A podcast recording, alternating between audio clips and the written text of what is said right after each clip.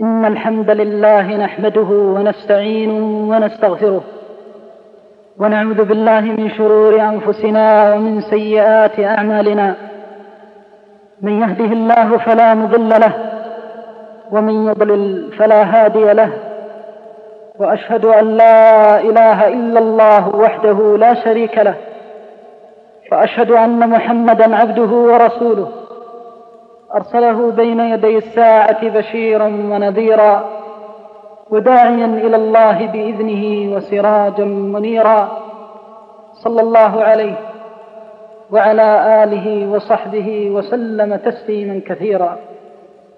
أما بعد فأحييكم بتحية الإسلام بتحية من عند الله مباركة طيبة.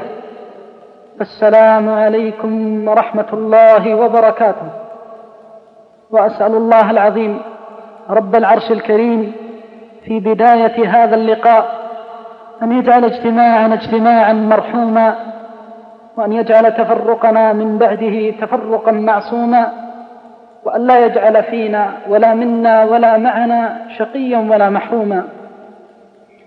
أيها الأحبة في الله من الذي يبسط يده بالليل ليتوب مسيء النهار ويبسط يده بالنهار ليتوب مسيء الليل من الذي ينادي في كل ليلة هل من تائب فأتوب عليه هل من مستغفر فأغفر له من الذي ينادي يا ابن آدم لو بلغت ذنوبك عنان السماء ثم استغفرتني لغفرتها لك ولا أبالي. من الذي ينادي؟ يا عبادي إنكم تخطئون بالليل والنهار وأنا أغفر الذنوب جميعا. فاستغفروني أغفر لكم. من الذي ينادي؟ يا عبادي الذين أسرفوا على أنفسهم لا تقنطوا من رحمة الله. إن الله يغفر الذنوب جميعا. إنه هو الغفور الرحيم. من الذي يرحم التائبين ويشملهم بعفوه ومغفرته وهو خير الغافرين. من الذي عجت ببابه الأصوات فنهجت بالمعذرة والمسائل والحاجات فكان الله ولم يزل بها رحيما. أيها الأحبة في الله يغفر الله للعبد ذنوبه ويستر له عيوبه. يغفر الله وهو خير الغافرين. ويرحم الله وهو أرحم الراحمين. يغفر الله للعباد مغفرة. لا تدع للعبد ذنبا صغيرا ولا كبيرا إلا محته. وتلك المغفرة التامة الكاملة مغفرة لما تقدم وما تأخر. غفرها الله لنبيه عليه الصلاة والسلام. ليغفر لك الله ما تقدم من ذنبك وما تأخر ويتم نعمته عليك ويهديك صراطا مستقيما. يغفر الله للعبد ذنبه فلا يبقي له خطيئة أبدا. جاء عثمان رضي الله عنه وأرضاه إلى رسول الله صلى الله عليه وسلم وهو يحمل الذهب والفضة فصبها في حجر النبي صلى الله عليه وسلم صدقة لوجه الله فنزل الوحي على رسول الله صلى الله عليه وسلم فأخذ الذهب بيديه وقلبه بكفه فقال ما ضر عثمان ما فعل بعد اليوم؟ وجاء حاطب بن أبي بلتعه فوقف على رسول الله صلى الله عليه وسلم في قصته المشهورة وكتابه لأهل مكة. فقال عمر رضي الله عنه وأرضاه يا رسول الله دعني أضرب عنق هذا المنافق. فقال صلى الله عليه وسلم دعه يا عمر. وما يدريك لعل الله اطلع على أهل بدر فقال اعملوا ما شئتم فقد غفرت لكم. يغفر الله للعبد مغفره تامه كامله فلا يبقي له ذنبا ولا خطيئه وبذلك يمشي على وجه الأرض مبشرا بالجنه. يغفر الله للعبد ذنوبه فيرحمه. إذا رحم خلقه. مرت بغي من بغايا بني إسرائيل كانت على المعاصي والفجور فمرت على كلب يلهث الثرى فانكسر قلبها وأرادت أن ترحمه فنزلت إلى البئر فملأت خفها وسقت الكلب فشكر الله لها فغفر ذنوبها. ومر رجل على غصن شوك في طريق المسلمين فلما رآه قال والله لأنحينه عن طريق المسلمين لا يؤذيهم. فزحزحه عن طريقهم فزحزحه الله به عن نار جهنم فغفرت ذنوبه. الله أكبر. إذا غفر الله لعبده والله لا يسأل عن أمره ولا يعقب في حكمه. سبحانه وتعالى. أيها الأحبة في الله يقف العبد بين يدي الله. يقف العبد بين يدي سيده ومولاه. يناديه رباه رباه.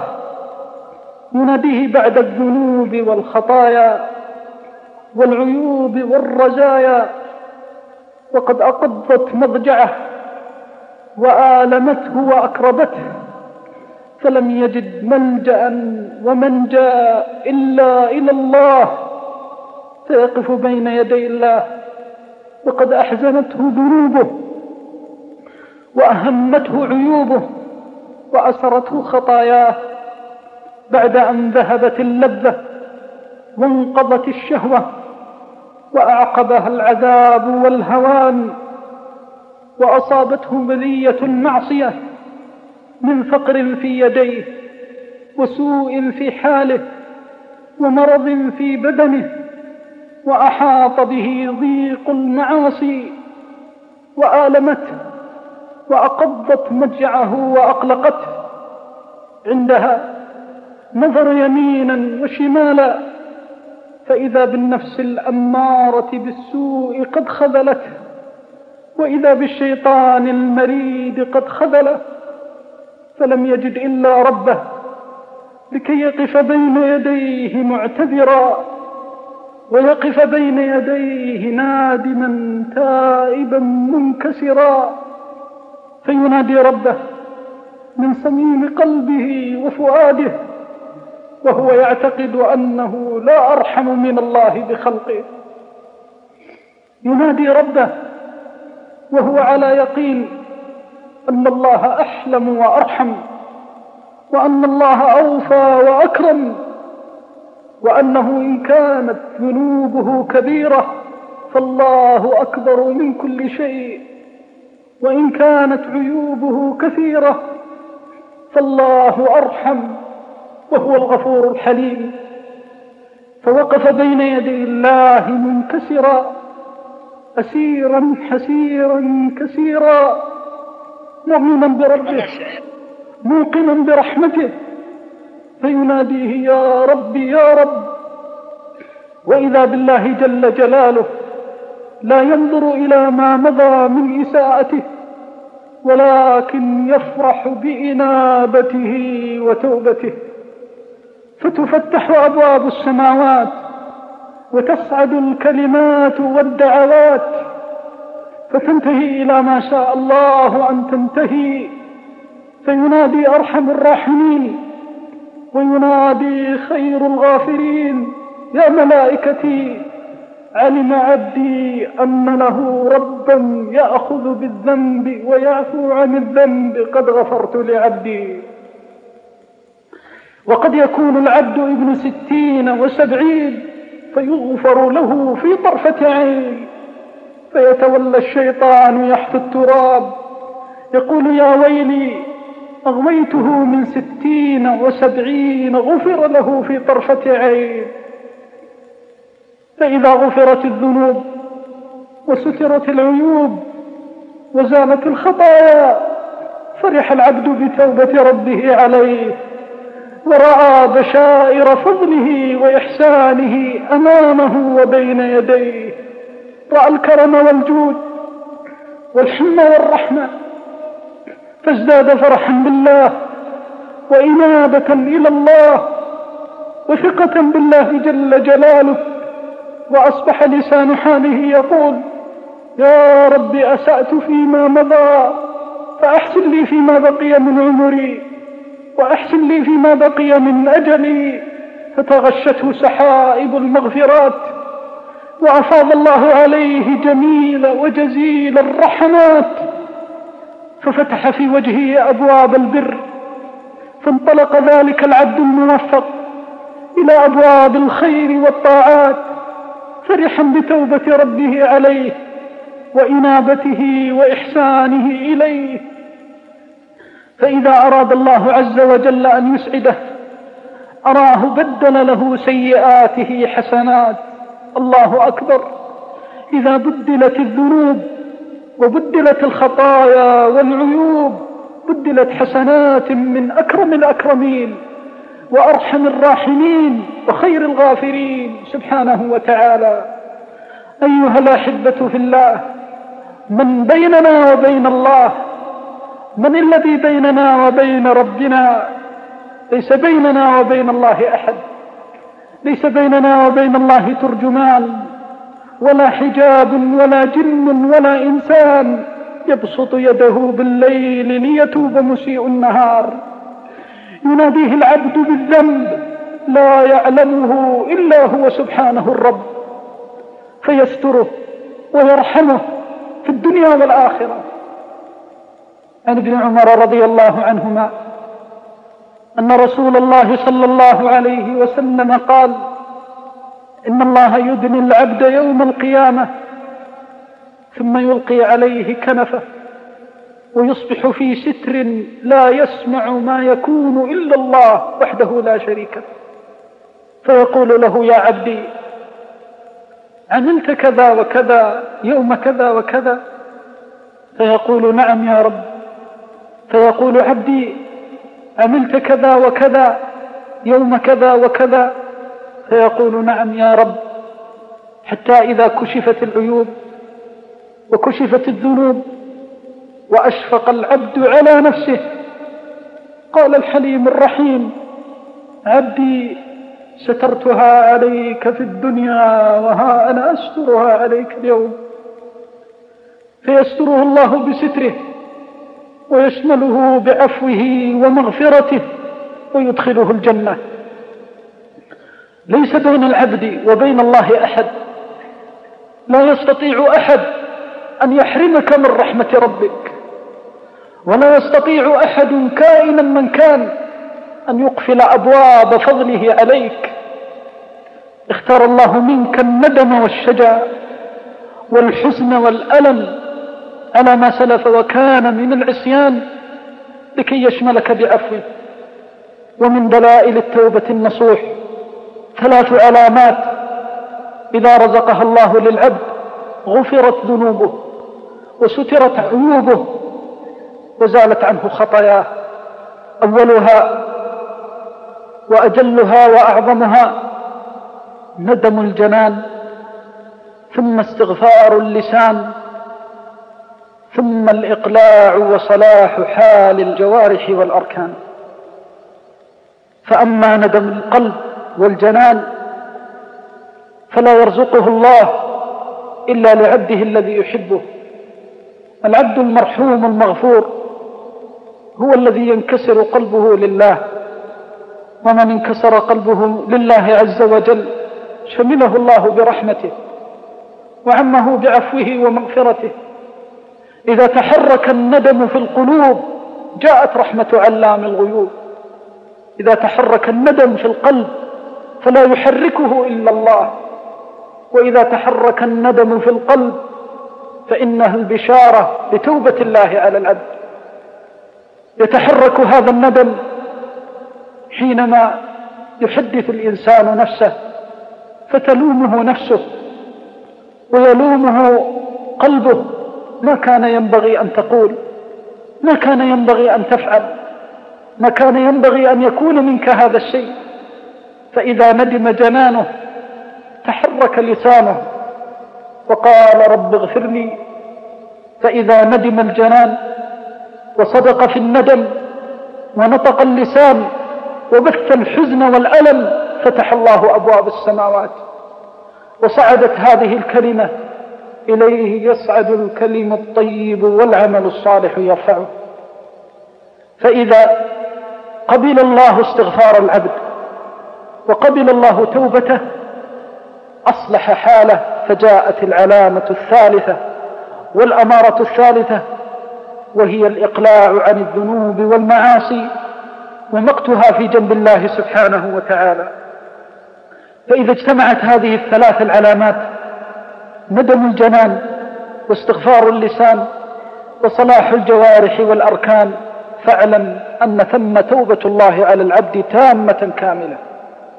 فإن كانت الذنوب بين العبد وبين الناس انطلق إلى أهل الحقوق وأهل المظالم حركه قلبه وحركه فؤاده. ظلمت أخاك المسلم حينما اغتصبت أرضه. ظلمت أخاك المسلم حينما سببته وشتمته وانتهكت عرضه ظلمت أخاك في الإسلام حينما ذكرت عيوبه وثلبته ظلمت ظلمت فيريد أن يذهب لكي يعتذر. فيأتيه الشيطان المريض ويقول له من أنت حتى تعتذر؟ وكيف تعتذر لفلان؟ قد ذهب الزمان وأكلت حقه. والناس تسخر منك. والناس تقول والناس تفعل. لا لا تفعل. ما لك وما له. فلان أحقر من أن تأتيه. فلان أحقر من أن تسأله العفو والمغفرة. عما كان منك من إساءة إليه. فعندها يثبت الله الذين آمنوا بالقول الثابت. فيقول أعوذ بالله من الشيطان الرجيم. اخسأ عدو الله. فإنك لن تقف معي بين يدي الله لو اقتص أخي من مظلمتي. فيدحر الشيطان وينطلق بكل شجاعة وإيمان لكي يقف على أخيه المسلم.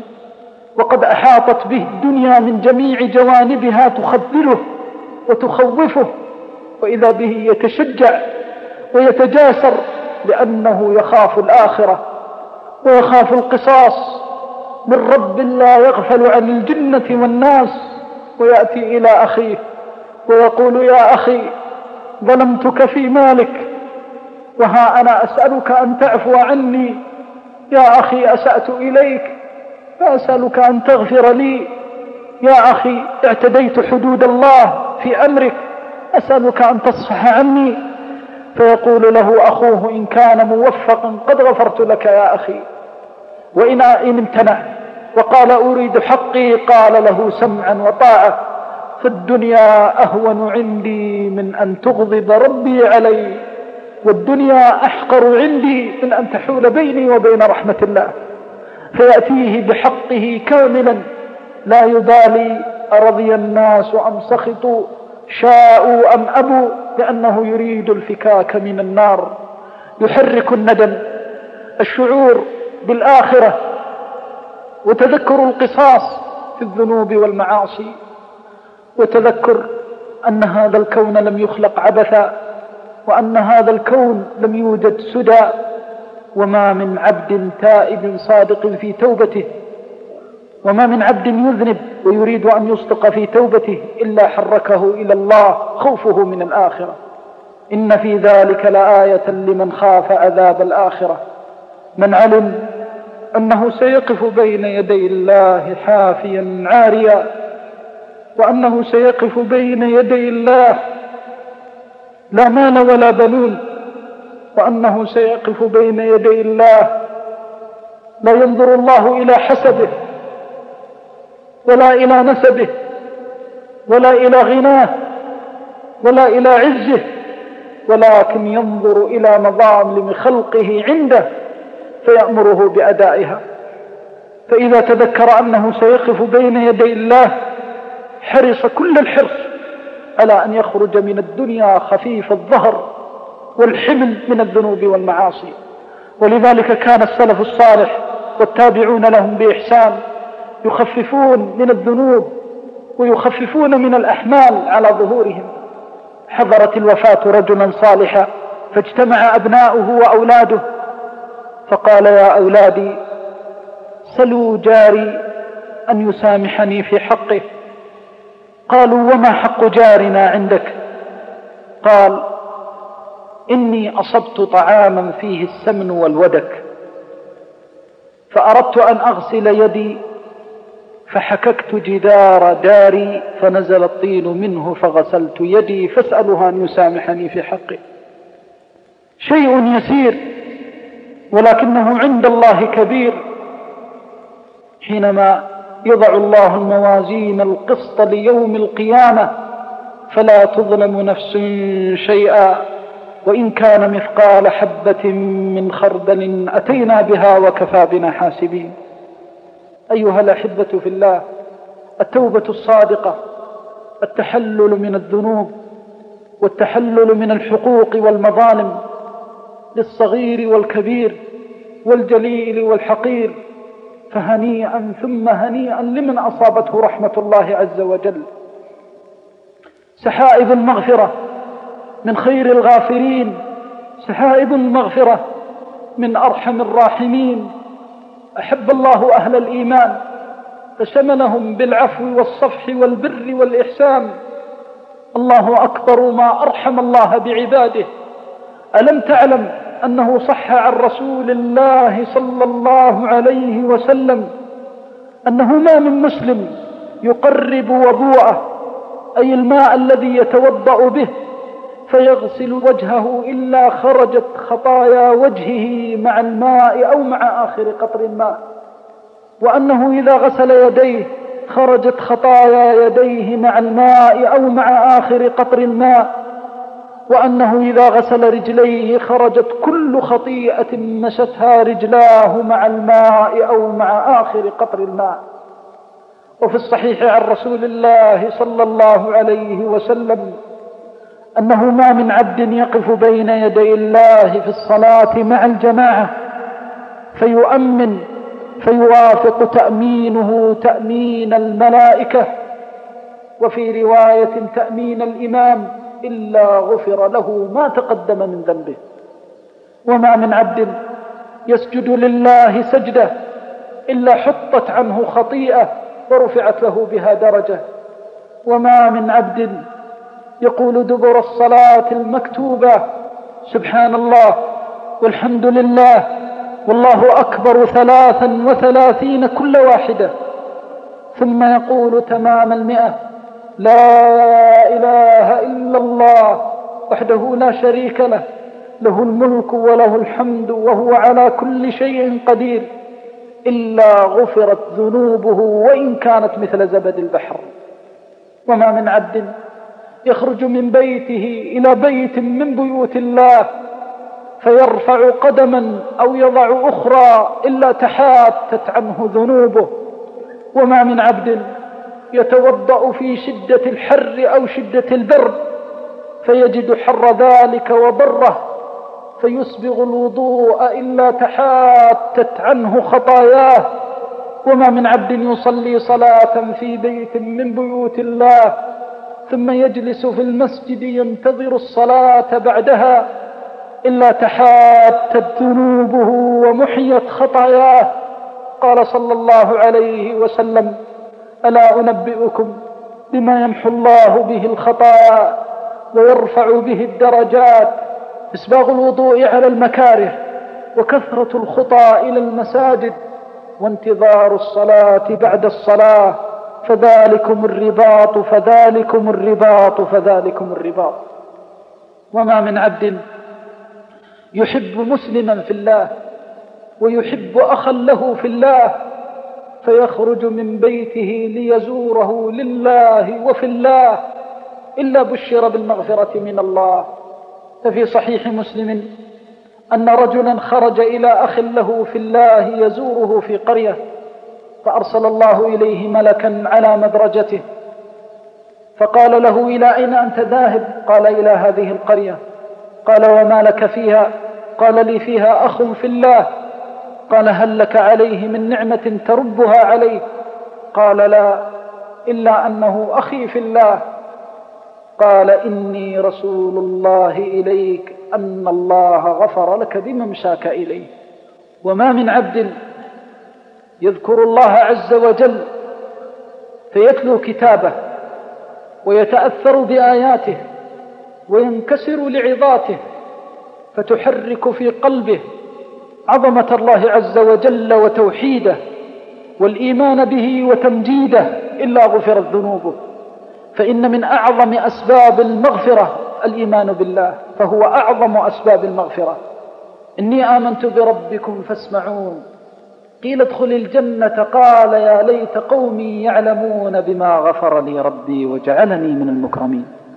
فجعل مغفرة الله له بعد قوله إني آمنت بربكم فاسمعون فلو نظرت إلى شجر أو حجر أو مدر فنظرت في ملكوت الله ونظرت في هذا الكون الذي يأخذ بمجامع قلبك إلى الإيمان بالله وتعظيم الله. فجلست ساعة تتأمل فيها في عظمة الله. فانكسر قلبك فقلت لا إله إلا الله. خالصة من قلبك إلا غفرت لك ذنوبك. وما من عبد يخرج من بيته إلى بيت من بيوت الله فيجلس في مجلس يذكر فيه الله جلس لله وفي الله ولربما لم يجلس قبل ذلك مجلس ذكر. فإذا جلس معهم صعدت الملائكة إلى الله فسألهم الله عن عباده وهو أعلم. فيقولون ما كان من شأنهم. فيقولون أتيناهم وهم يسبحونك ويمجدونك. قال ماذا يسألونني؟ قالوا يسألونك الجنة. قال هل رأوها؟ كيف لو رأوها لكانوا أشد شوقا إليها. ثم يقول مما يستعيذون؟ يقولون من نارك. فيقول وهل رأوا ناري؟ يقولون لا. قال كيف لو رأوها لكانوا أشد فرقا منها. قد غفرت لهم.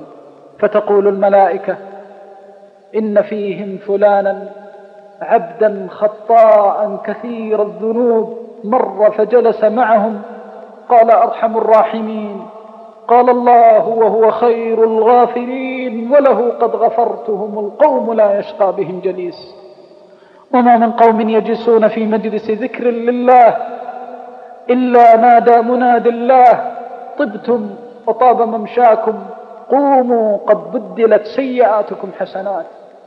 سحائب مغفرة من أرحم الراحمين. سحائب مغفرة من خير الغافرين ومن لنا غير الله؟ ومن لنا غير الذي لا إله سواه ولا رب عداه؟ من لنا من لنا غيره؟ لو أغلقت أبوابه وحاشاه. من لنا غيره؟ لو ابتعدنا عنه وهو صاحب الفضل والكرم. فنسأل الله العظيم رب العرش الكريم أن يشملنا بعفوه وأن يعمنا بإحسانه وبره. أيها الأحبة في الله لا أسعد من اللحظة التي يحس الإنسان فيها أن ربه قد تاب عليه. ولا أسعد من اللحظة التي ينكسر فيها العبد بربه وسيده. تلك اللحظة التي يتمناها الإنسان. ولو سألت التائب عن أسعد لحظة مرت عليه في عمره قال اللحظة التي تبت فيها إلى ربي. ولو سألت عبدا صالحا عن أسعد لحظة مرت به في حياته قال حينما رحمني الله بالإنابة إليه. وفي ذلك كله عز الدنيا وسعادتها. وفي ذلك كله أنس من الوحشة وتبديد لها. من تاب تاب الله عليه ومن أناب إلى الله أحبه الله وآواه. يا عبادي يا عبادي إنكم لن تبلغوا ضري فتضروني ولن تبلغوا نفعي فتنفعوني. يا عبادي لو أن أولكم وآخركم وإنسكم وجنكم كانوا على أفجر قلب رجل واحد منكم ما نقص ذلك من ملكي شيئا. يا عبادي لو أن أولكم وآخركم وإنسكم وجنكم كانوا على أفجر قلب رجل واحد منكم ما نقص ذلك من ملكي شيئا. يا عبادي إنكم لن تبلغوا ضري فتضروني. ولن تبلغوا نفعي فتنفعوني. يا عبادي إنما هي أعمالكم أحصيها لكم. فمن وجد خيرا فليحمد الله ومن وجد غير ذلك فلا يلومن إلا نفسه. أيها الأحبة في الله من سحائب المغفرة التي تمطر على العبد فيغفر الله بها ذنوبه ويستر بها عيوبه أن يكون العبد كثير الاستغفار كثيرا الإنابة إلى الله الحليم الغفار. من أكثر من الاستغفار جعل الله له من كل هم فرجا ومن كل ضيق مخرجا ومن كل بلاء عافية. كان صلى الله عليه وسلم يستغفر الله في اليوم أكثر من مئة مرة. وقال أيها الناس توبوا إلى الله واستغفروه. فإني أستغفر الله في اليوم أكثر من سبعين مرة. كثرة الاستغفار باب من أبواب الرحمة. استغفر الله قائما وقاعدا. استغفر الله ذاهبا وراجعا. فإن ذهبت وأنت تطلب رزقك استغفرت الله عند خروجك لأنه ربما حرم العبد الرزق بسبب الذنب. وإن رجعت إلى بيتك وأويت إلى أهلك أكثرت من الاستغفار لربك خشية أن تكون ظلمت أو أسأت أو أخطأت فترجع إلى بيتك وأنت مغسول من الذنوب والخطايا. أكثر من الاستغفار لله فإن الاستغفار سبب من أسباب الرحمة. ولذلك كان النبي صلى الله عليه وسلم يستغفر الله ويستفتح الصلاة بالاستغفار ويسأل ربه أن يغسله من الذنوب والخطايا بالماء والثلج والبرد. ومن علم أن الذنوب شؤمها عظيم وبلاؤها وخيم وعاقبتها سيئة فكم من ذنب قاد إلى حرمان الرزق؟ وكم من ذنب أظلم به القلب؟ وكم من ذنب طمست به البصيرة؟ وكم من ذنب فسدت به العيال؟ وكم من ذنب ذهبت به الأموال؟ وكم من ذنب كان سببا في سوء الخاتمة والعياذ بالله وسوء الحال؟ الذنوب مريد إلى الكفر وطريق إلى الكفر فعلى العبد أن يفر منها إلى أرحم الراحمين وخير الغافرين وأن يستيقن أن الله حليم رحيم. من تقرب مني شبرا تقربت منه ذراعا ومن تقرب مني ذراعا تقربت منه باعا. وإذا أتاني يمشي أتيته هرولة. ومن الأسباب التي تعين على مغفرة الله للعبد بره لوالديه وصلته لرحمه وحسن ظنه بالمسلمين وسلامة صدره وما يكون منه من الإحسان كالعطف على الفقراء والضعفاء وقضاء ديون المعسرين وتفريج الكروبات عن المكروبين فإنها سحائب رحمة من أرحم الراحمين. يقف العبد بين يدي الله يوم القيامة فتعظم عليه الذنوب وتكثر منه الخطايا والعيوب فيقول الله عز وجل إنه كان يتجاوز عن المعسرين ونحن أحق بالتجاوز عنه قد غفرت لعبدي وتجاوزت عنه. قال صلى الله عليه وسلم إنه كان في من كان قبلكم رجل يدين الناس ويقرضهم وكان يقول لغلمانه إذا رأيتم معسرا فتجاوزوا عنه لعل الله أن يتجاوز عنا.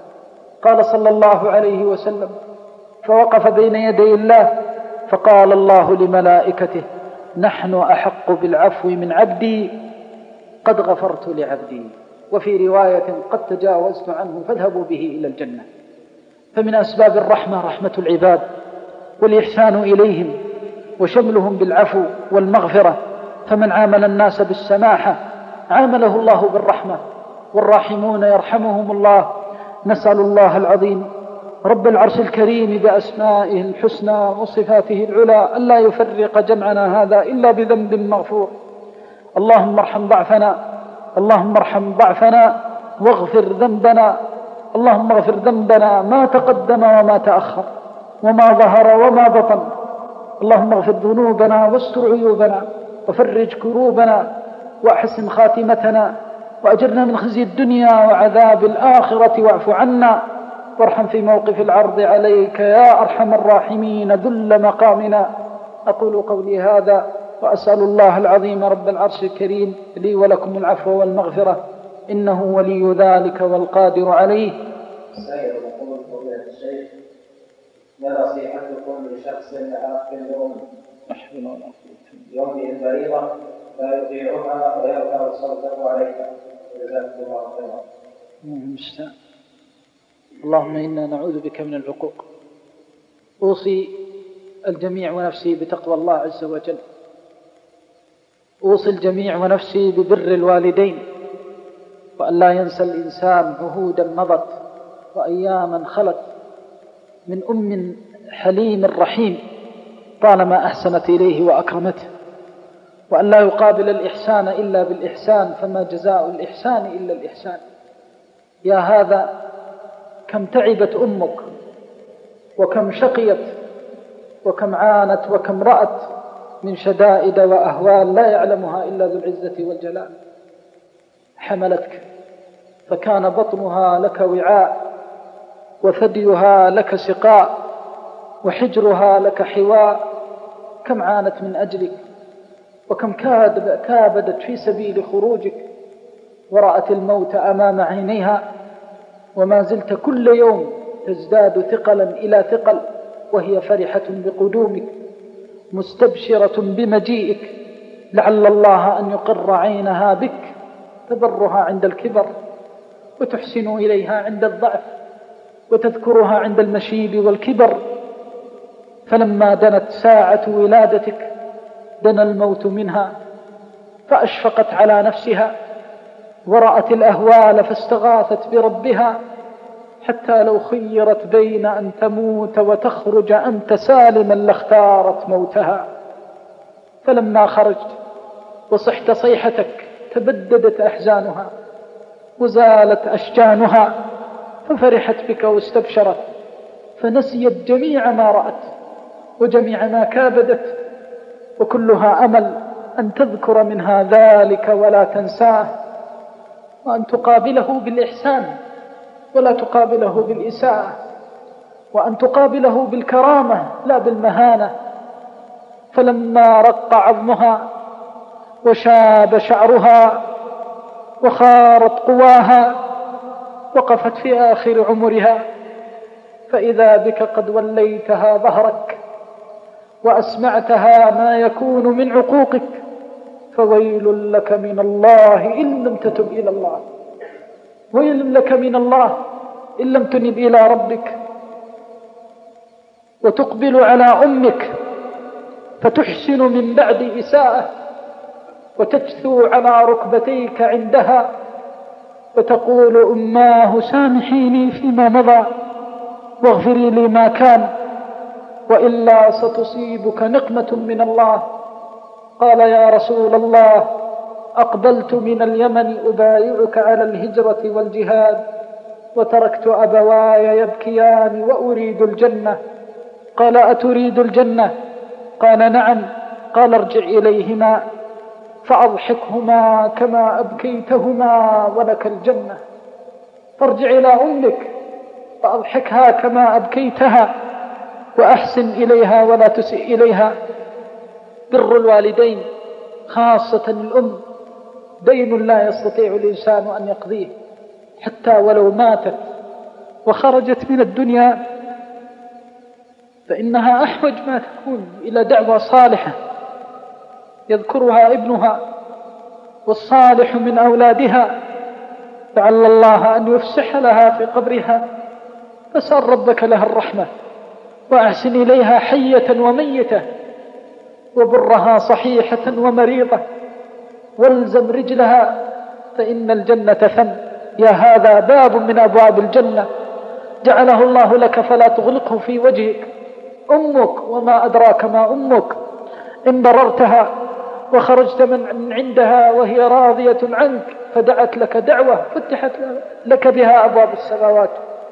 أحسن إلى أمك لعل الله أن يحسن إليك وأدعوك أن تنيب إلى ربك وأن تتذكر ما كان من فضلها عليك.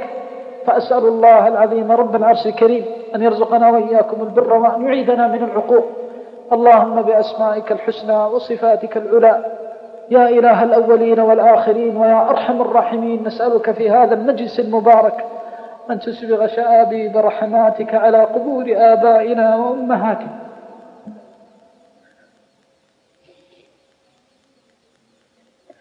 اللهم اشملهم بعفو منك وبر أسألك بأسمائك الحسنى وصفاتك العلى.